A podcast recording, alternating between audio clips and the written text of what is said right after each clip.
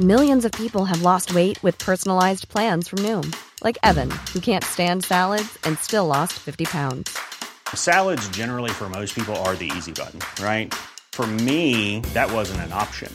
I never really was a salad guy. That's just not who I am. But Noom worked for me. Get your personalized plan today at Noom.com. Real Noom user compensated to provide their story. In four weeks, the typical Noom user can expect to lose one to two pounds per week. Individual results may vary. Everyone knows therapy is great for solving problems, but getting therapy has its own problems too, like finding the right therapist, fitting into their schedule, and of course, the cost. Well, BetterHelp can solve those problems. It's totally online and built around your schedule. It's surprisingly affordable too. Connect with a credentialed therapist by phone, video, or online chat, all from the comfort of your home. Visit betterhelp.com to learn more and save 10% on your first month. That's BetterHelp H E L P. Hi, I'm Daniel, founder of Pretty Litter. Cats and cat owners deserve better than any old fashioned litter. That's why I teamed up with scientists and veterinarians to create Pretty Litter. Its innovative crystal formula has superior odor control and weighs up to 80% less than clay litter. Pretty Litter even monitors health by changing colors to help detect early signs of potential illness. It's the world's smartest kitty litter. Go to prettylitter.com and use code ACAST for 20% off your first order and a free cat toy. Terms and conditions apply. See site for details. Ja, om man hör ett löjligt pipande ljud numera så kan man sä vara säker på att det är polisen sen vi har bytt sirener. XC60. Fy fasen vad Det pinsamt det är. Alltså, ja. Det låter ju liksom... Det väcker ju löje Ja. när vi kommer farande. Hur var det här då? Hur var det här då? Hur var det här då? Hur var det här då? Hur var det här då? Hur var det här då? Varmt välkomna kära lyssnare till avsnitt nummer 19 av podden Hur var det här då? Ytterligare en vecka har gått, strålande solsken och sommaren är ordentligt på intågande. Och inte nog med det, Nadde, något som också förgyller vår vardag, din senaste vecka och ett pris du har delat ut. Ja, min vän. Äntligen var det dags för mig att dela ut eh, livets och det historiskt första årets krattade. Ett pris som jag instiftat tillsammans med ett gäng partners eh, för att uppmärksamma goda krafter som hjälper andra människor helt enkelt i främst integrationsfrågor. Dela ut det första på nationaldagen. Otroligt fint att få göra det på självaste nationaldagen i min egen hemstad. Eh, jättefint. Jätte, ja, jag, jag, det var länge sedan jag kände mig så här stolt om jag ska vara helt ärlig över det här. Det här är fint att lämna över. Så det har varit fint. Eh, annars en ganska slätstruken vecka som Viktor hade sagt. Jag har varit extremt allergisk bara senaste veckan. Höga halter av gräspollen. Och till våra lyssnare som inte har lyssnat på tidigare avsnitt, kan, kan du utveckla lite kort det här priset och vem gick det till och varför? Ja, ja, när jag sommarpratade 2021 så pratade jag om mina krattare. Krattare är människor som jag pratar om som skyddsfaktorer. Det är ett polisbegrepp som vi pratar om människor som ser till att barn och unga inte hamnar i kriminella eller, eller extremistiska händer. Vi har ju riskfaktorer, vi har skyddsfaktorer. Och i mitt sommarprat så pratade jag om mina krattare och i min bok så pratar jag också om krattare och jag föreläser väldigt mycket om brottsförebyggande och trygghetsskapande arbete där krattare och skyddsfaktorer är en central roll i samhället. Och efter eh, sommarpratet så märkte jag ganska snabbt att begreppet krattare blev, ett, det blev en vedertagen grej som användes i ledartexter och ja, det, det blev en sak och så kände jag att det här var, hade varit fint. Och, uh, liksom, det finns ju massa så här galor, man delar ut massa priser till folk till höger och vänster. Jag kände att jag ville skapa det här och göra något eget. Och då tog jag kontakt med framförallt Ulricehamns Sparbank som jag vet har en stor fond som nappade direkt. Och så gjorde, tog vi fram en arbetsgrupp och så öppnade vi nominering på en månad och så gick det till en gymnasielärare som är verksam och varit verksam i Ulricehamn i många år som har hjälpt väldigt många människor med att alltså, ta körkort, komma in i samhället, hjälpt dem med migrationspapper eller papper från Migrationsverket. Hon har varit en riktig krattare för andra människor helt enkelt och deras familjer och deras barn. Spelat en otroligt stor roll för många. Så att det var väldigt fint att lämna över till henne och hennes tal ska hennes tacktal ska jag behöva återkomma till i min eh, nästa ledarkrönika. För att hon, det hon säger egentligen är att eh, det är så konstigt att få ett pris för att, för att, jag är medmänniska. Och det säger ganska mycket om det, hur viktigt det är idag att belysa de medmänniskorna som vi finns. Så så är det. Grymt gjort av dig. Underbart. Ja. Och instiftat den. Fantastiskt ju. Ja, jätteglad. Jag hoppas att jag kommer få ta det till Borås nästa år och sen året efter det förhoppningsvis ännu större, kanske ett nationellt pris. Det hade varit kul. Får se vad jag orkar med bara och dra i. Vi får Härligt. hjälpa dig och promota och trycka på de här frågorna. Ja, men otroligt roligt. Grymt jobbat, återigen. Tack. Ja, Martin, förutom att eh, ha vilat upp dig från svensexan, har du gjort något skoj? Nej, eller det är kul. Jag har varit, eh, fått eh, träffa min grupp igen efter att ha varit, känns som jag varit två månader bara på olika insatser. Så tillbaka till vardagen hemma på Hisingen. Det var trevligt. Och mycket grejer som, har, som inte har gjorts av någon annan såklart för att det åligger mig. Så att fått ta hand om. Eh, och bland annat så håller vi på med den här fantastiska KUV. Detta underbara påfund. Eh, Det är ju karriär och utvecklingsvägar inom polisen. Så att utan att bli chef så kan man eh, göra en form av karriär och det ska delas upp i massa olika kriterier. Och det är väldigt mycket jobb för eh, gruppchefer främst. Så det är lite sådana grejer. Och lite, vi har även haft handledning som är väldigt bra. Vi har en präst där som är handledare och så pratar vi i gruppen om olika saker. Eh, ett sätt att liksom eh, tömma ryggsäcken lite grann. Som är en bra grej som jag kört ganska länge. Så lite sådana mjuka, inga häftiga, eh, tuffa eh, grejer som har skett under veckan. Det är en ganska lugn vecka. Och sen fantastiskt rent privat med bad och grill och allt sånt där härligt. Och såklart för eh, ingen helg blir ju riktigt perfekt om man inte spelar golf. Du menar alltså att du har badat i havet? Ja, ja. Det är flera gånger. Jätteskönt nu. Det, det är lite för kallt. Vad är det, 17 grader? Jag tror faktiskt det var närmare 19 eh, där bara nu. Det var inte kallt ens. Det var skönt. Det var jättebra. Du bor ju vid Gött havet, människa. Du måste ju kunna våga bada nu. För länge sedan. Ja, men vem, vem, sa du precis att jag inte har badat? Men det lät som att du tyckte Kan- att det var en stor sak att jag badat. Nej, det kan väl vara som så att jag väntar ytterligare någon månad eller två kanske. Jag är inte som dig och framförallt inte som Viktor. Hur många har du badat, eller hur många bad är det än så länge Viktor? Är du inne på en? Ja, det är väl en, uppåt en 60 eh, statistiken är på nu. Jag har haft eh, veckan som gått tillbringat först på västkusten då, sommarstugan. Då blev det en del salta, friska bad.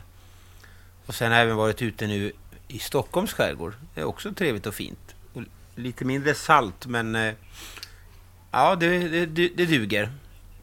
Så eh, jag har njutit av den svenska skärgården. Och du som eh, har badat land och rike runt, vart hittas eh, de bästa badplatserna och vattendragen?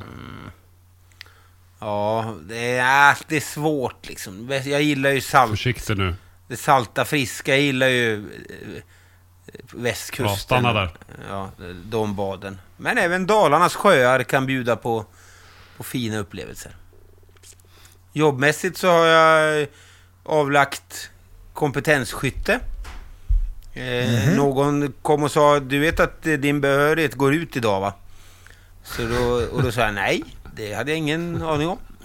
Så fick jag gå ner med en instruktör och skjuta, annars skulle jag bli avväpnad så att säga.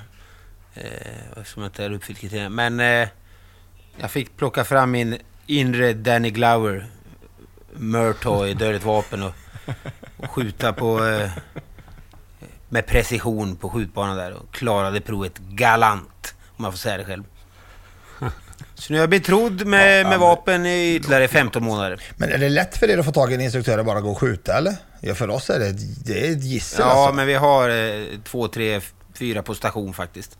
Så det är, det är hyfsat lätt. Underbart. Ja, men det är gott att någon eh, håller fanan högt och jobbar. Själv har jag gått på semester och eh, håller nu på med ett altanbygge som förhoppningsvis står klart här om några dagar. Så det känns gött.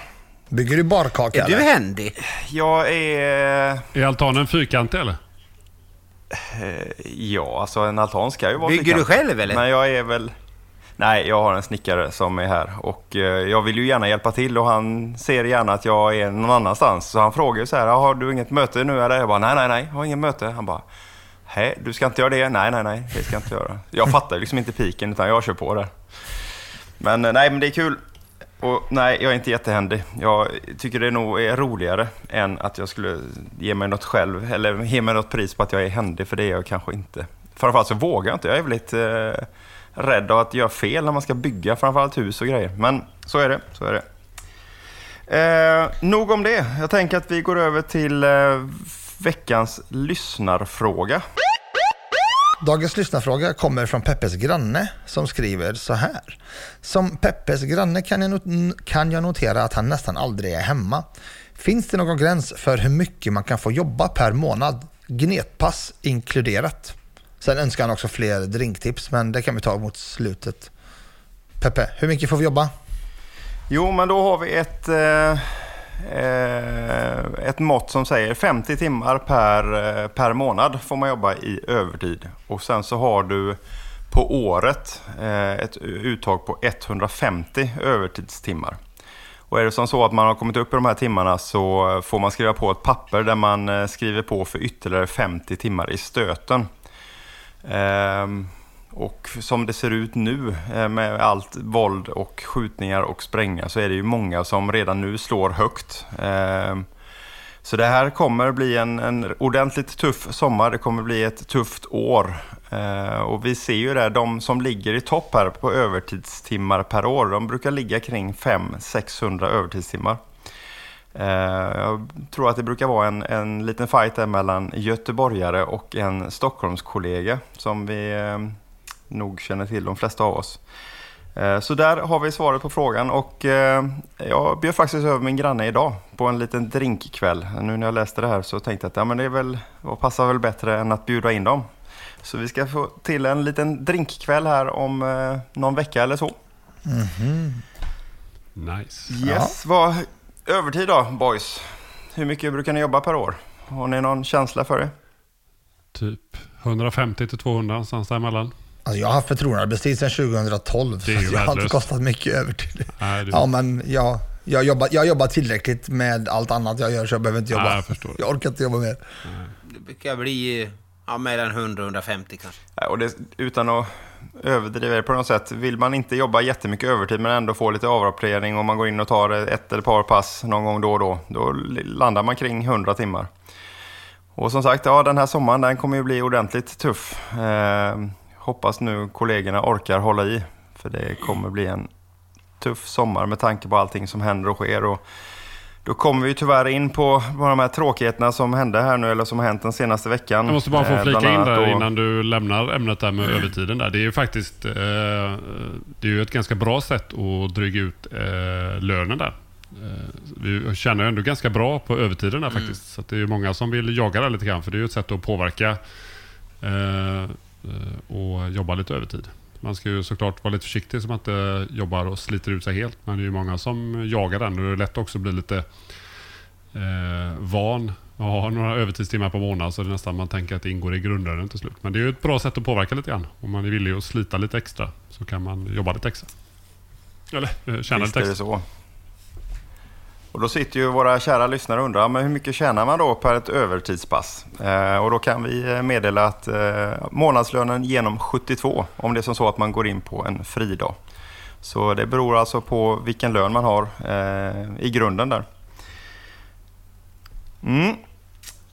De senaste veckorna, eller den senaste veckan, eh, oerhört tragiska eh, händelser. Eh, skjutningar, sprängningar, eh, återigen ytterligare en, minst en vad det verkar, eh, person död som inte har med eh, den grova kriminaliteten att göra. Vad, eh, vad ser vi på för, vad ser vi för, hur ser vi framtiden och vad, vad har vi för lösningar? Jag vet Polisförbundet kom ut här nu att man vill tillsätta en kriskommission. Eh, vad tror ni om en sån sak? Skulle det kunna gå att få till en kriskommission kopplat till samtliga eh, Ja, riksdagspartier? det, Nej. men det, det är ett måste. Men det känns, det är ju samma varje, det blir några sådana här, de extra uppmärksammade händelserna. Du hade polismordet och då kom ju alla gick ut och nu ska det verkligen bli förändring. Och det var ju av många olika sådana här, eh, när det blir stora rubriker så var ju det som blev det största. Men det kom ju inte jättemycket ut av det och nu ropar man igen. Jag lyssnar på Studie Studio 1 förut och var det för detta statsminister som, eh, inget ont om henne, men hon eh, föreslog att man skulle återigen ha vapenamnesti och få människor att lämna in vapen och ammunition. Och det, man brukar ju få in en hel del vapen och ammunition när man har vapenamnesti, men det är ju inte gängens vapen som kommer in. Det är ju, det är ju typ någon som har ärvt något gammalt hus och där man hittat ett vapen eller lite ammunition och så tycker man det är jobbigt att lämna in och så blir det vapenamnesti, då vågar man gå dit. Det är ju ingenting man löser något gängvåld. Och det är ju inte konstigt att det sker fler skjutningar nu. Det är ju inget som har förändrats i, i grunden. Så att det är ju samma grejer som händer och vi kommer ha samma eh, ett bra tag till. Eh, de åtgärderna man gör är ju långsiktiga. Det finns ju inga eh, som vissa partier vill ha kanske någon, någon endaste åtgärd som löser allting. Det finns ju inget sånt. Så det kommer, vi kommer få ha det så här tyvärr. För vi har satt oss i den situationen eh, på grund av olika saker och det kommer vi fortsätta. Ja, men varför tror du inte, att, varför tror du inte på Polisförbundets mm, det, krav? Det undrar jag också. Ja. Nej, men vad ska det leda till då? Jag ser inte att det leder till något. Ja, men, inte, utifrån det jag hörde att de sa, liksom, att vi ska samlas, vi ska ha en eh, bred syn på det här. Och... Jo, men då måste ju komma, man får ju förutsätta och hoppas att en sån eh, kommission kommer fram till en till förslag på åtgärder och insatser med bred uppslutning.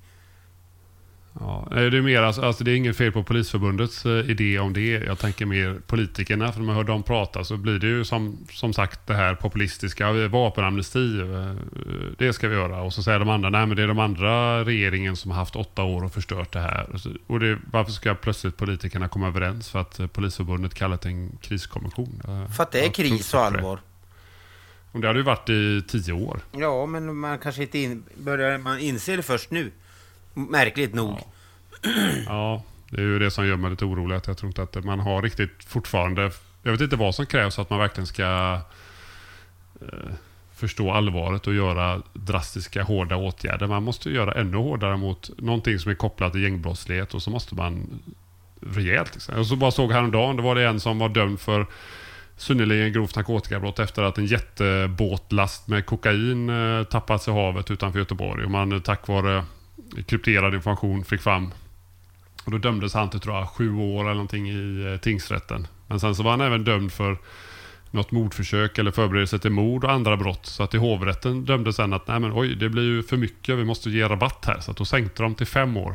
En gängbrottsling som, som ligger till grunden. Som, det är ju de som gör de här, att det här kan ske. Och man har fortfarande inte förstått det. Vi måste ju ta bort allt sånt. De måste vara borta jättelänge. De måste vara borta ännu längre. Men är det inte men är det inte just det som en sån kommission i så fall ska kunna lägga undan sitt politiska babbel och se, identifiera, precis så som vi jobbar till exempel i vår samverkan. Vi identifierar ett problem, vi är överens om vad problemet är och vi försöker attackera det på flera olika fronter, från flera olika fronter. Hindren är ju inte att de inte ser problemet. Alla ser problemet. Hindren är väl politiska poänger. Alltså vem ska ha makten, vem som ska få credden om vi löser det här problemet och så vidare. Är inte det det som är det största problemet? Om man tvingar dem in i ett rum i en slags, se på corona, coronapandemin, det var ju den senaste krisen vi gick igenom. Där löste vi ut rätt bra, utan massa politiskt käbbel, utan massa politisk skit. De röstade igenom lagar och allt vad de gjorde. Visst blev det lite debatt kring det där. De var eniga, de ledde. Jag skiter i vem som satt och vem som styrde skeppet vid den tiden. Men det var så gick rätt bra. fråga. Det var ju inte vänster och höger med, med pandemi. Här har vi en, en grej som är baserat på, vissa tycker att det bara är på grund av eh, sociala insatser eller avsaknad av skola. Andra tycker att det bara är ett invandrarproblem och någon annan tycker något annat. Det, blir så, det är så polariserat och så känsligt område. Så jag tror inte att de kommer komma någonstans, tyvärr. Fast jag tror inte att det är så som du säger. Jag tror att det är... Pr pratar man med folk från höger till vänster så är alla överens om att bilden är mycket, mycket mer komplex och de förstår nyanserna. De kan hålla de här två tankarna i huvudet som vi som är verksamma kan göra det och alltid hela tiden pratar om. Problemet blir när det blir politisk debatt om det. Då blir det ena lägret mot det andra lägret mot det tredje lägret och det är därför vi inte kommer någonstans. En sån här kommission skulle ju kunna fungera som en slags brygga mellan de här eh, som, som utåt sett inte alls alls tycker likadant, men när de sitter runt runda bord så är de rätt överens om vad problemet är, tror jag. Jag blev bara orolig när jag hör för detta statsminister högst upp i eh, politiska styrningen säga att på kort sikt nu då ska vi se till en vapenamnesti och att det skulle vara någon form av åtgärd ja, mot Nej, det, det, där är bara trams. Bara det där är bara trams. du vet inte säga någonting då? Men jag tror att problemet ser ju samtliga partier, men det är ju lösningen på problemet som är, som är eh, den stora käpphästen här. Och det är ju just det att man har ja, men man kommer från olika ideologier där man absolut inte har samma syn på hur man kommer till bukt med det. Och det är ju här vi har problemet. Någon får ju liksom, och det, det viktiga här nu det är ju att hitta något långsiktigt. Jag tror att Tidöavtalet till exempel, det kommer ju kunna få igenom en hel del som kommer vara till nytta för oss. Men sen, beroende på vilken regering vi har därefter, så kan det förändras och ditten och datten. Det viktiga här nu är att vi, vi, att samtliga riksdagspartier enas om, om en, en långsiktig lösning för det här. Vi kommer inte lösa det här på fem år, vi kommer inte lösa det på tio år, vi, vi kommer inte göra det på 15-20 heller. Eh, men det viktiga är att, vi, att de sätter sig ner och verkligen når ett, det här är målet, det är den här vägen vi ska ta. Sen så kommer det såklart att, att eh, svänga lite på vägen, men det kan inte vara eh, som, som det riskerar att bli om vi nu byter regering här framöver och det hattas fram och tillbaka så att det kommer liksom det, alldeles för tvära kast. Eh, så kan man bara liksom hitta de grova eh, delarna i det här, liksom hur man ska förhålla sig till det. Är, det är ju ett viktigt mål på vägen här. Men, men lite kort just Polisförbundets fyra krav då, som, man, som man lägger fram. Eh, vi kan ju nämna dem lite. Eh, det är ju då att samtliga riksdagspartier ska ingå i kommissionen. Det är inte läge för fortsatt politisk munhuggning och positionering.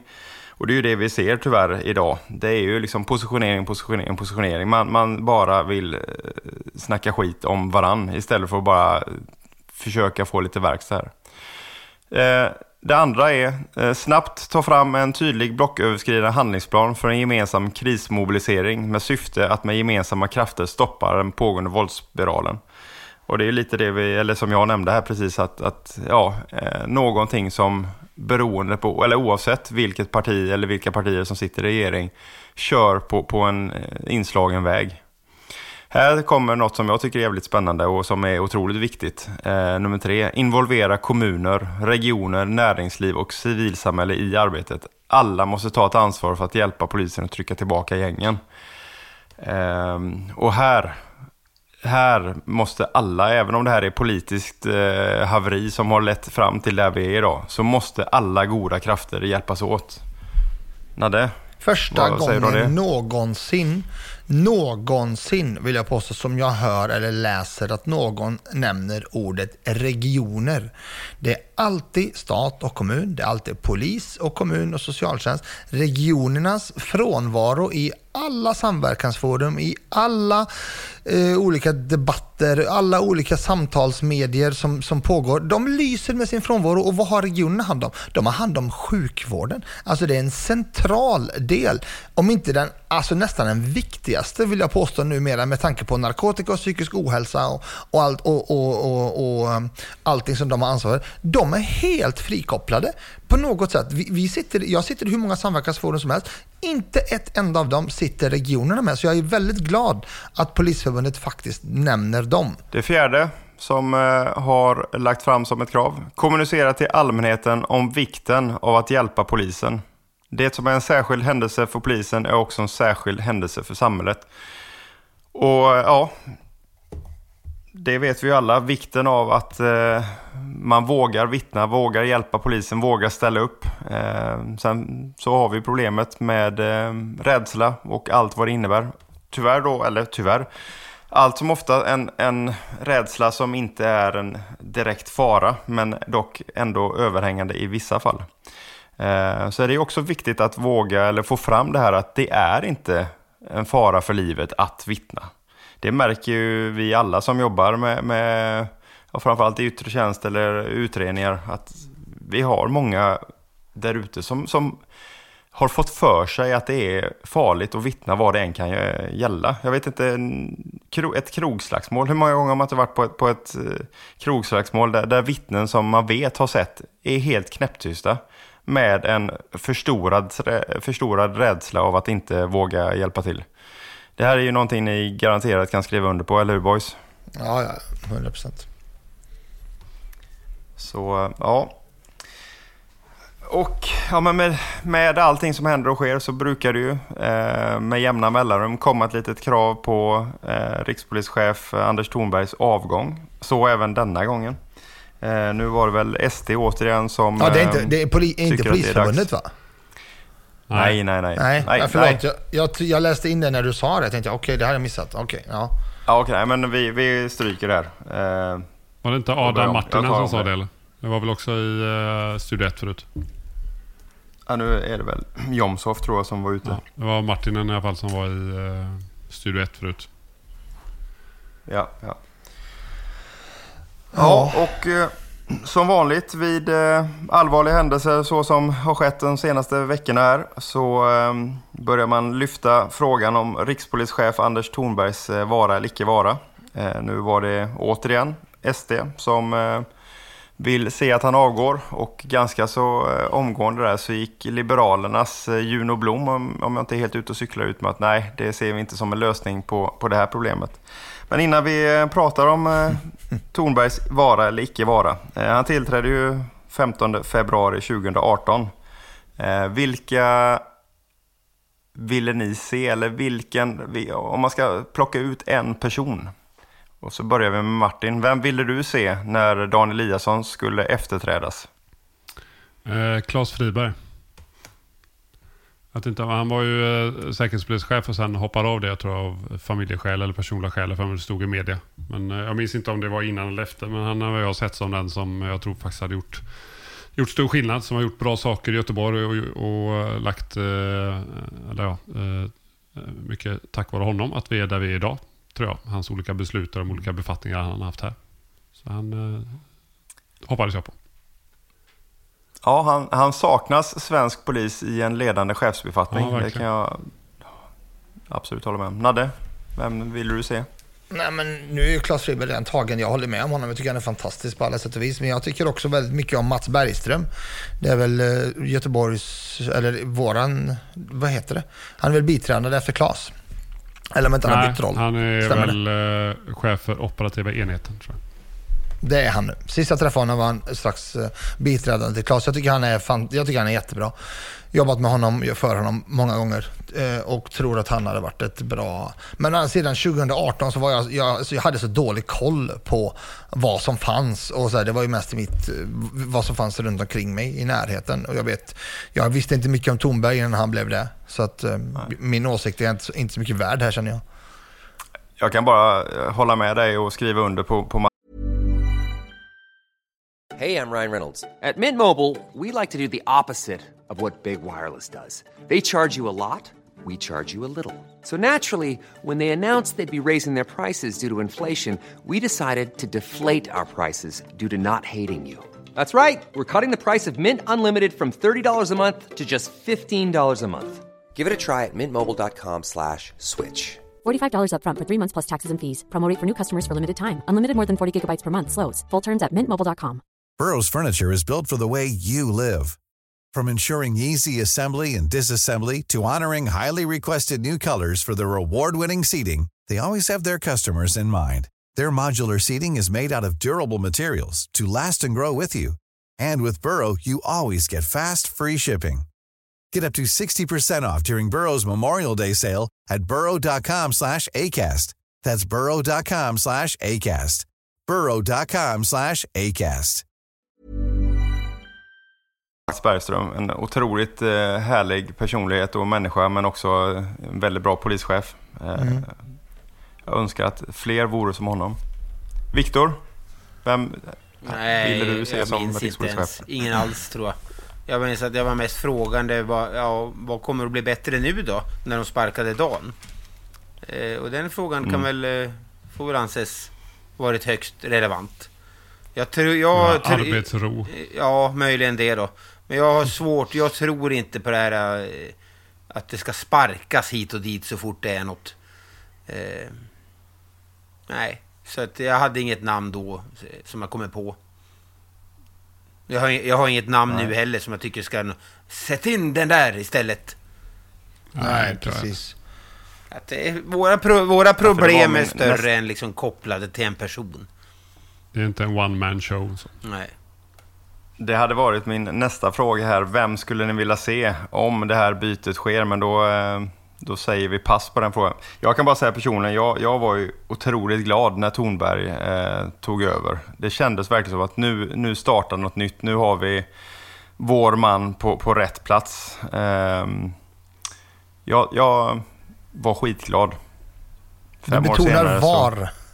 Nej, men jag, jag, jag, eh, jag tycker att för det första, det här som vi upplever nu, det är, liksom inte, det är inte Polismyndigheten som kommer lösa det här. Eh, det, är, det är så mycket större än så.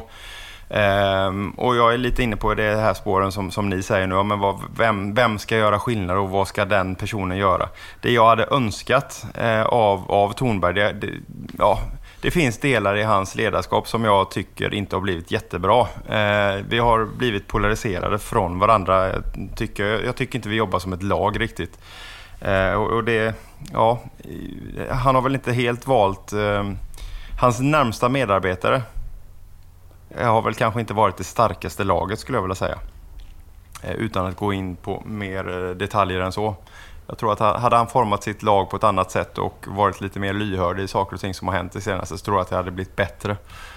Men ja, nej, för mig finns det absolut ingen naturlig efterträdare och jag, jag tycker nog att Tornberg ska fortsätta ha eh, förtroendet ett tag till. Sen så kan ju saker och ting ändras eh, framöver här. Men eh, ja, än så länge så tycker jag nog att det blir bäst om han kör vidare. Jag tror att vi just nu så klarar vi inte den turbulensen som ett, ett eh, skifte skulle kräva. Eh, och är det någon gång om nu så är det liksom alla tillsammans mm. och mm. enade krafter. Och eh, det, det, det hade nog bara ställt till rätt mycket problem tror jag. Är det någon som är däremot? Nej, jag håller med. Jag håller, jag håller helt med dig. Mm. Jag, jag, jag, jag, antar att du syftar till med, med Thornberg är eh, lönesatsningarna och hur det differentierades till höger och vänster på ett dåligt sätt. Jag håller helt med om det. Det var, det var, det var ett snedtramp. Och sen tycker jag att Anders har gjort ett, ett, ett gott jobb. Jag har inte, så mycket, alltså jag har inte påverkat asmycket. Jag har blivit bortvald i lönerörelsen några gånger. Sist nu blev jag invald, eller då, då träffades det rätt på mig. Det är en svår balansgång att hantera eh, och jag, jag vet inte vem som skulle kunna göra det. Jag hade inte velat ha hans jobb även om man har skämtat om det vid, vid tillfällen. Så att, att det här kravet kommer nu, alltså jag är inte förvånad för allting blir ju politik och det här är väl ett led att, att städa ut svenska myndigheter som ett gäng vill göra. Men eh, jag tycker turbulensen som skulle uppstå och vem som skulle ta över och göra det bättre på ett annat sätt. Vi behöver, vi behöver en stabilitet och en trygghet inom svensk polis. Mm. Och det får vara Anders just nu tycker jag. Och som svar på din fråga, ja, bland annat eh, just med lönesatsningar. Man, istället för att ena laget så har man splittrat hela poliskåren och det, det har ju fått förödande konsekvenser. Det blev inte bra. Och sen har man ju distanserat sig från både fack och skydd och det har inte heller bra, bra, blivit bra. För när vi gör något tillsammans, eh, något tillsammans så gör vi det jävligt bra. Vi måste hålla ihop det här laget och nu, nu är det som det är. Det kan bara bli bättre framöver. Och, eh, är han den ledaren vi behöver så kommer han att se till så att det här blir lite verkstad. Eh, så vi kan bara hålla tummarna för att, för att det blir så. Helt enkelt. Så får framtiden utvisa om eh, vi satt här och orerade helt åt HVT eller inte. Jag håller med. Jag tycker jag gillar inte stora förändringar just nu och tappar massa kraft genom att byta högsta ledare som ska sätta sig in i arbetet och forma sitt lag. och Man tappar tempo. Man måste ha en tydlig styrning Eh, och där tror jag väl däremot att han kan kanske styra hårdare med vad som funkar. Eh, det pratas mycket från politikerhåll som varit ute och högsta delar av högsta polisledningen eller tjänstemän där runt. Eh, vi måste ha lite tydligare styrning vad vi ska göra och sätta tryck på det. Så att vi verkligen kör på hårt mot gängbrottsligheten. Och där kan jag ju sakna lite grann att jag upplever inte att det är kanske tillräckligt tydligt där och inte ut mot, eh, mot allmänheten och media heller. Utan eh, både från politiker och vår ledning så känns det lite mekigt. Det måste vara lite tydligare för att få eh, bibehålla förtroende, tycker jag. Det jag kan sakna som jag gärna skulle se ett som förbättringspotential, det är ju hur vi eh, tillhandahåller våra resurser. För jag tycker inte att vi är så effektiva som vi borde vara. Förvisso, vi är för få. Vi är för få. Men med de resurserna vi har eh, så skulle vi kunna göra andra prioriteringar. Och det jag också saknar, det är att man går ut brett och verkligen försöker locka tillbaks kollegor som har lämnat. Både eh, de som har lämnat för andra yrken, men också våra pensionärer som, som har lämnat. Varje timme vi kan få in här, det är, är en timme som inte går till spillo som det är idag. Och här skulle jag vilja se en, en stor nationell eh, kampanj för att locka tillbaka kollegor. Synliggör hur lönerna ser ut idag. Försök få tillbaka eh, pensionerade kollegor. Det är billigt att få tillbaka dem. Många av dem sitter på, på jättemycket rutin, erfarenhet som, som skulle kunna vara ordentligt värdefull i det läget vi är då.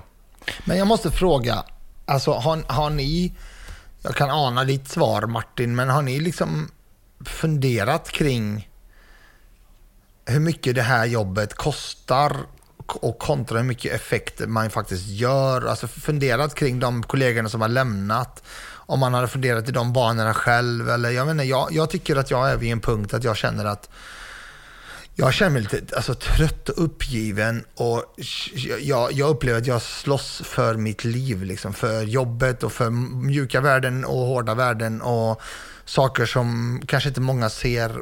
Och, jag, och jag, jag, vet inte, alltså jag, ibland, jag, kan, jag kan avundas de kollegorna som har faktiskt vågat sig på att testa något annat. Det känns skit, jättekonstigt och hemskt att säga. Men så som utvecklingen är, så mycket som vi sliter för egentligen ganska lite. Eh, jag vet inte, har ni funderat i sådana banor?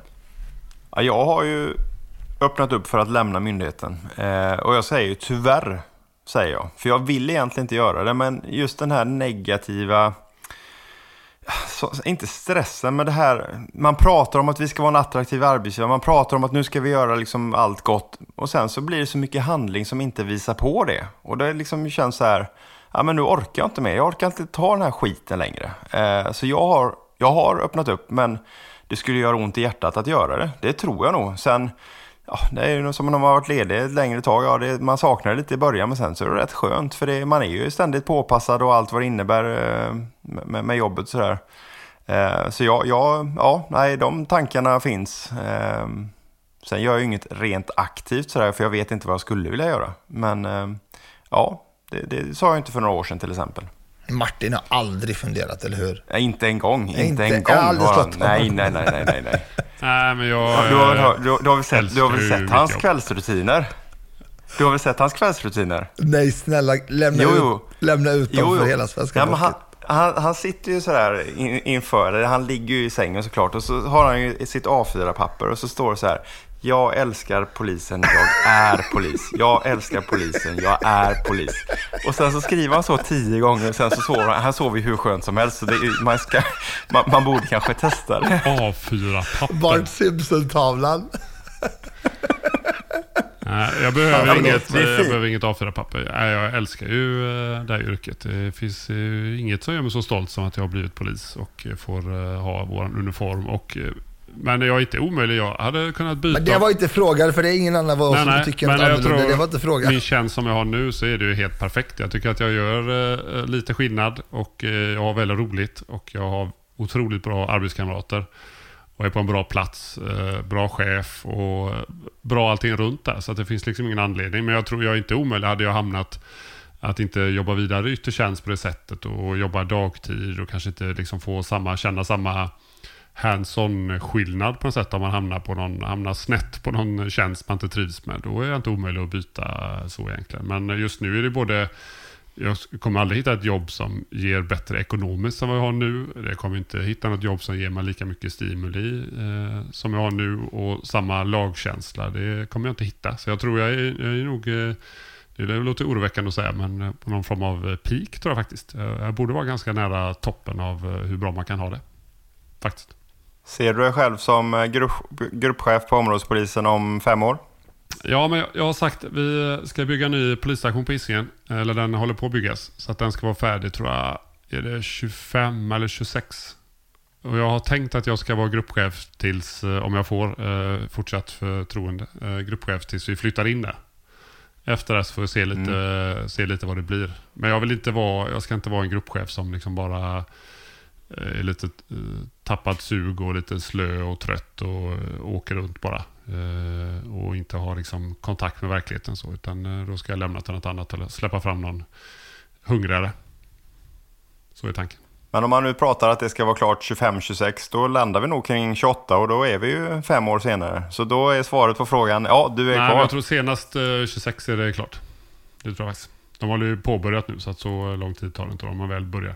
Eh, men jag, är jag kvar inom polisen så är jag absolut kvar på IG och jag har inte blivit chef. Jag är kvar och kör min radiobil. Det är En gång i månaden. fortfarande det, det bästa beslutet jag har, har, har tagit. Nej, jag är otroligt glad över att jag inte har valt chefsspåret. Jag är otroligt glad att jag är kvar i kär, kärnverksamheten. För det var det här jag ville bli polis för. Jag är... Eh, nej, men jag trivs med, med de uppgifterna vi har. Sen så ibland så kan man ju bli bra trött på, på vissa delar. Men eh, nej, jag tycker att det här är det absolut finaste delen man eh, kan vara inom polisen. Eh, så absolut. Däremot så tror jag inte att du är kvar där du är om fem månader. Var, har- var hittar vi dig? Oj, tror du inte att jag är kvar? Nej, alltså jag vet inte. Jag kan inte heller säga att jag kanske tror att jag är kvar om fem år. Jag vill gärna vara kvar. Jag har velat vara kvar. Jag har inte behövt vara kvar, men jag har verkligen försökt och gjort allt och gör fortfarande allt för att vara kvar. Ja, och mycket precis då som Martin säger. Mycket är väldigt avhängt på att jag har en otroligt bra chef, jag har en otroligt bra medarbetare runt omkring mig, jag trivs skitbra på jobbet. Mitt enda problem är att jag vet inte längre om jag tycker att jag spelar den roll jag vill spela i det jobbet som jag tar åtagit mig. Alltså jag vill se en effekt av det jobbet jag gör. Och jag, jag måste säga vi gör då, men eftersom jag är mest fokuserad på brottsförebyggande arbete så är det verkligen uppförsbacke utan dess like just nu. Vi har inte medvind någonstans. Och jag är tyvärr en, en person som behöver belöningar. Jag behöver känna, för jag är en passionerad person, jag gör saker för att jag tror på det och känner jag inte att det här spelar någon roll, då kanske är jag rädd för att min låga slocknar. Det har den inte gjort. Men jag har det här senaste i Stockholm nu och jag fick mass-smsen och Eh, vi har haft en stor brand i Borås som har tagit hur mycket övertid och personal som helst. Folk är trötta, folk är slutkörda. Det är precis innan sommaren. Jag är själv väldigt trött och väldigt slutkörd. Eh, och jag ser bara liksom, det dras folk till höger och vänster. Vi har inte, eh, sak, vi har inte liksom folk till att göra det vi vill göra. Och det, är lite, det, det är lite för motigt, lite för, för kort in på semestern. Men det, samhället är ju som samhället är. Liksom. Och, så ja, långt svar på din fråga. Jag är inte säker. Eh, jag, men jag kan inte säga ja eller nej, men jag, eh, jag är osäker helt enkelt.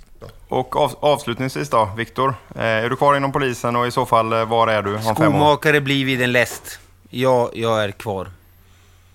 Eh, och ja, jag harvar väl på yttre tjänst och på Twitter. Om de inte har knäckt mig fram till dess. Vem Nej, kan exakt. knacka dig? Du är en Exakt. gigant. Nej, men jag, blir- jag blir kvar. Jag har ingen eh, önskan eller eh, ambitionen just nu någon annanstans. Och eh, får... he- eh, Ja. Nej, så är det. Och med det så l- trillar vi in på veckans kändisfråga som kommer från ingen mindre än Nadde. Ja, det är min gamla, min gamla Veckans brott-kollega eh, Camilla Kvartoft har skickat in sin fråga. Hej Nadim och kompani. Jag och min man vi sitter här och äter lunch i vår lilla eh, Stockholmsförort och hörde precis en siren. Och så funderade vi på om man kan eh, höra skillnad på om det är en polisbil eller ambulans eller, eller brandkår. Eh, jag som har jobbat med Veckans brott i så många år kan inte svaret på det. Det är ju helt korkat. Eh, men jag hoppas att ni kan hjälpa mig. Eh, och, och min man också ja, för han är också väldigt nyfiken på svaret. Eh, och om ni poliser då kanske har en extra känsla för att kunna höra då vad det är för någon utryckningsbil som kommer. Om det är polisen eller ambulansen. Ja, om man hör ett löjligt pipande ljud numera så kan man sä- vara säker på att det är polisen sen vi har bytt sirener. XC60. Fy fasen vad låter pinsamt det är. alltså. Ja. Det låter ju liksom... Det väcker ju löje Ja. när vi kommer farande. Men jag har blivit så dålig. Jag satt hemma här och så hade vi balkongdörren öppen och så kom det en siren och jag säger lite så här, eh, lite stöddigt. Ja, jag hör att det, det är polisen som kommer där. Och så kommer någon ambulans såklart. Min sambo är helt eh, oimponerad. Och så försökte jag igen lite senare. Och, ah, men det här, nu är jag säker. Och då var det ju typ eh, någon sån här eh, eh, spårvagnsutryckningsgrej eller någonting. Så att, nej, jag, kan, jag hör skillnad på ljuden men jag, jag kan inte säga vem som är vem längre. Jag är för dålig. Jag tycker det är jättesvårt att höra skillnad på polis och ambulans. Brandkår hör man tydlig skillnad på. Men polisambulans kan jag inte säga att jag hör en större skillnad på.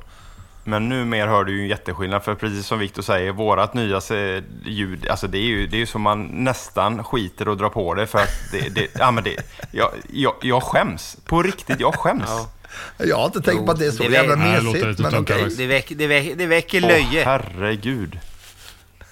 Ja, det gör det. Det gör det, låter som någonting har gått sönder lite grann i sirenen. Eller det kanske är så att vi i Borås inte fått de här nya bilarna med de nya sirenerna då kanske. Ja, det måste ju vara så, för du hade, du hade Ja, det kanske är så. Ja. Ja, och du hade Det ställt dig frågan, XC60 vad i hela... Ja, vad hände där? Hur Ja, gick det det till Ja. liksom? Nej, det ju vara coolare ljud. Det är lite synd. En uppmaning Ja, till det, eh, det kan ju vara något ljud med lite pondus Ja, i. lite mer amerikanskt. Man skulle haft den där whoop whoop ljudet också. Whoop whoop. Den ska jag vilja ha. hade jag missbrukat. Men, men eh, när vi ändå pratar ny teknik och nya grejer och så här. Eh, har ni märkt av när ni kör utryckning med, med de nya XC60 att vi har ju ett förbannat fint säkerhetssystem Mhm. eh, som är anpassat tyvärr efter privat körning. Ja, livsfarligt. Eh, jag har gjort jag har varit nära på att faktiskt krocka på grund av systemet och det här låter ju som en, en dålig undanflykt men på riktigt, jag har varit riktigt, riktigt nära. Berätta. Eh, nej men vi kör utryckning, eller jag kör utryckning och det här är i, eh, ja, men i centrala Göteborg och det är inte så att man eh, att man har jättegott om plats alla gånger. Eh, så man får ju liksom anpassa efter sin egen förmåga. Eh, och jag har väl hygglig koll, antar jag. En hög förmåga med andra ord. Ja. Ja, ja men ja, det får jag väl ändå hoppas. Eh, så. Eh, så jag vet ju på, på ett ungefär var jag har min kärra och eh, snikar mig igenom några eh, bilar där. Och då var jag väl tydligen så pass nära, eller någonting, någonting känner av i systemet och panikbromsar hela alltet så den får liksom sladd eller liksom släpper i bakaxeln på den vänster. Varpå jag håller på att liksom smälla i eh, en av bilarna som jag håller på att köra om. För, på grund av det här kastet. Eh, och detsamma ju om man, om man kör över ett gupp och man hoppar lite så drar ju liksom Mm. Säkerhetsbältet åt. Och det är inte bara att det är liksom, det är inte, det är inte bara att man sätter sig och sitter där utan Ja men jag får ju nästan panik. eh, för det drar åt något djävulusiskt och så släpper det liksom Nej, jag inte. vet inte. Jag är värre i Ehm. garaget. Så har vi, vi har sladdar hängande som ska... Man ska ju sätta bilen på laddning. Så backade jag garaget, vi var en massa pelare. Så jag backade garaget. Så tog det sånt jävla tvärstopp när jag backade långsamt där. Så jag trodde att fan, jag har kört in... Liksom, jag har missat att det är en pelare jag har kört in i. Men då är det den lilla sladden som hänger ner som hela bilen, hela nödsystemet går in och tvärnitar som att man har backat in i en vägg. Det var helt sjukt. Jag blev så jävla rädd. Jag gjorde, jag gjorde exakt likadant här för några veckor sedan. Eh, ska komma ner, eh, parkera, ska också backa in. Och så, det är ett dagpass så jag känner att jag, ja, men jag är skittrött. Gör nu, och jag, ja, men det har ju hänt parkeringsincidenter. Det är väl typ en av de vanligaste olyckorna vi poliser råkar ut för. Parkeringsskador. Och så, tänker jag verkligen på, ta det nu lugnt, kolla ordentligt, du är trött. Och sen så backar jag och backar. Och sen precis som det, jag bara tvärnitar och så bara boom! Precis som att man har kört in i en stolpe. Och så, och så kommer en kollega och bara Fan, så, vad är det, vad är det jag har backat in i? Jag, jag kollar så hon bara, nej men du har inte backat in något. Jo, jo, jo, jag har backat in något. vad är det jag backat in i? Det var också den här jävla sladden. Eh, så, så det var ju rätt skönt att liksom bara, ja, nej men det var inte värre än så. Men förlåt, men, stänger ja. man inte av de funktionerna när man sätter sig och Nej. kör? Det, är jag, det har jag som rutin på alla bilar jag kör. Nej. Alltså de här antisladd, inte antisladd, men den här när du ska passera en linje utan att blinka och den bilen bara svänger tillbaka och allt möjligt skit. Så varför stänger man? Nej, Jag tror, okej. det är, jag tror det är bra att vi har så mycket säkerhetssystem som möjligt av eh, goda skäl. På förekommande anledningar. Ja, det, är, ju- det är ju fantastiska system, men det är inte roligt att ha varit nära att krocka på grund av systemen. Eh, det är ju lite sådär, ja när man ska skriva den här trafikmåls eller rapporten så efteråt, ja vad var anledningen till att eh, du krockade? Nej, vi har för bra system. Alltså det är ingen jävel som kommer tro på det, det är ju bara liksom en dålig undanflykt. Eh, men nu har jag sagt det innan jag har smält, för det har varit nära. Ja, kära lyssnare. Eh, det var eh, i stora delar veckans program. Men Martin, du ska få avsluta med ett litet... Ett liten, vad, vad, eller vad vill du avsluta med Martin? Berätta för oss. Jo, jag såg på SVTs, vad heter det, morgon, morgonnyheter, morgonprogram. Inte Nyhetsmorgon utan SVTs helt enkelt. Morgonstudion. Morgonstudion, tack. Och då hade de eh, den här som, ska, eller som recenserar eh, filmer och tv-serier, jag kommer inte ihåg vad han heter. Och då hade han, det var polistema. Eh, Så då sparrade jag upp öronen lite extra. Och då var det en serie som... Jag är polis. Jag är polis. Jag ska se Jag polisserie. polisen. Jag Och är då, Men jag polis. blev väldigt glad. Eh, och då var det en serie som, den var gjord, eller den är gjord 2009. Men av någon anledning så har den inte nått ut till svenska eh, sån här eh, streamingtjänster. Så den heter Southland. Som han tyckte var väldigt bra. så jag började se den och den var väldigt, jag blev glad för att den var, den var väldigt så här snutig. På ett härligt sätt. Den hade Southland. så här, klichéer och grejer fast ändå med lite djup. Och det fanns en, en, eh, det var en ny aspirant som började första avsnittet. Det var alla sådana här eh, bockade av alla grejer. Liksom att han får gå in till en, eh, en död person som hade typ blivit lite uppäten av sina hundar. Så spydde såklart. Och sen så blev han hjälte för att han sköt en gänggubbe som sköt en polis. Och sen så aspiranthandledaren var en sån riktig citatmaskin märkte jag redan i första avsnittet. Så sa massa coola saker. Efter att den aspiranten har tvingats skjuta ihjäl en person så hade han eh, som debriefing så körde han med det här eh, tuffa snacket. Att uh, du är polis för att du inte kan vara något annat och du, uh, du har första paket till världens bästa föreställning menar han på att polisyrket i Los Angeles var. Och sen så såklart aspiranthandledaren efter eh, passet gick han ut själv och satte sig i en bar och tog en öl. Så att det fanns alla de ingredienserna. Men den var, den verkar väldigt bra då. Så att jag Var- rekommenderar Southland. Den ska jag se lite finns den då? Just det, via Play. Mm. Och den har jag alltså 13 år på nacken. Men det var väldigt intressant för att det var... Jag tror, hade man sett den här 2009 så hade man reagerat över det våldet och tänkt att åh, sådana här Los Angeles-skjutningar med gängkrig. För där sköt de ner en helt oskyldig typ eh, 14-15-årig pojke. Eh, Och nu kändes det, det är ju våran verklighet här. Eh, Och så var det ännu mer, precis vid avspärrningen så kom det fram någon och sa till polisen, ja se, så här går det bara för att ni inte har legaliserat eh, cannabis, sa han i scen också. Så det var väldigt, eh, det är lite så man tror här också. Du, han, eh, han som sp- spelar aspirantledaren, är det han rödhåriga skådisen? Eh, rödhårig var han inte nej då tänkte jag på fel. Tror jag. Då tänkte jag på fel serie tror jag. Lite så här, han är med i, eh, vad heter den, eh, grymma, fantastiska eh, krigsserien från andra världskriget. Eh, Band of Brothers? Nej. Band of Brothers ja. Där är han med också som är lite, så här, lite grovhuggen, rejäl eh, snubbe där. Jag kommer inte vad han heter. Southland. Ja, väldigt bra. Southland, via Play. Stark Men jag måste rek. fråga, det låter jättekonstigt att... förlåt, jag måste bara fråga. Det låter jättekonstigt att en på Morgonstudion tipsade om en serie från 2009. Ja, men det var just är att det med anledning av kopplingen till samtiden? Nej, jag vet inte om det var det. Det var bara att han, han, den har släppt på Viaplay nu, fast den är från 2009. Så den har liksom inte gjorts tillgänglig för svensk publik eh, riktigt för nu. Så därför så Ja, men där är han ju. Det var ju han... Eh, eh, han är väl lite rödhårig. Okej. Ja, det kanske han är. Han är med i The Walking Dead också, han jag tänker på. Man gillar för att det var, det var, det var kliché, men det var ändå den här, eh, den här rödhåriga då som du säger. Han var liksom sån där tuffa och gör lite saker som man kan tycka är gränsen. Men ändå så har han det här djupet och ändå bryr sig om och verkar vara en bra förebild ändå någonstans. Så att, eh, nej, jag gillar den. Den tycker jag ni ska se. Den ska jag fortsätta se ikväll här. Sveriges längsta hisspitch på en Ja. serie. Det är bara för att jag har sett ett avsnitt så jag kan inte säga så här kortfattat om det.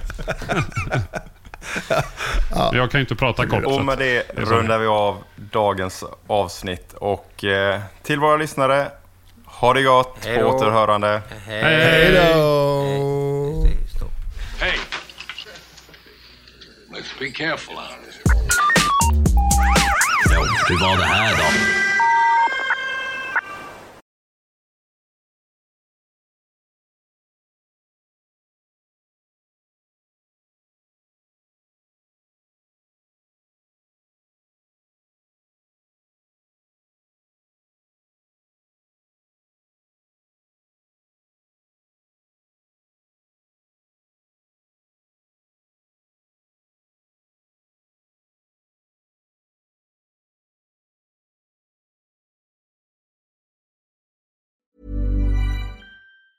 Hi, I'm Daniel, founder of Pretty Litter. Did you know cats tend to hide symptoms of sickness and pain? I learned this the hard way after losing my cat, Gingy. So I created Pretty Litter, a health monitoring litter that helps detect early signs of illness by changing colors, saving you money and potentially your cat's life. Pretty Litter is veterinarian developed, and it's the easiest way to keep tabs on your fur baby's health right at home. Go to prettylitter.com and use code ACAST for 20% off your first order and a free cat toy. Terms and conditions apply. See site for details. Planning for your next trip? Elevate your travel style with Quince. Quince has all the jet setting essentials you'll want for your next getaway, like European linen, premium luggage options, buttery soft Italian leather bags, and so much more. And is all priced at 50 to 80% less than similar brands. Plus, Quince only works with factories that use safe and ethical manufacturing practices. Pack your bags with high-quality essentials you'll be wearing for vacations to come with Quince. Go to quince.com slash pack for free shipping and 365-day returns. Planning for your next trip? Elevate your travel style with Quince. Quince has all the jet-setting essentials you'll want for your next getaway, like European linen, premium luggage options, buttery soft Italian leather bags, and so much more. And is all priced at 50 to 80% less than similar brands. Plus, Quince only works with factories that use safe and ethical manufacturing practices.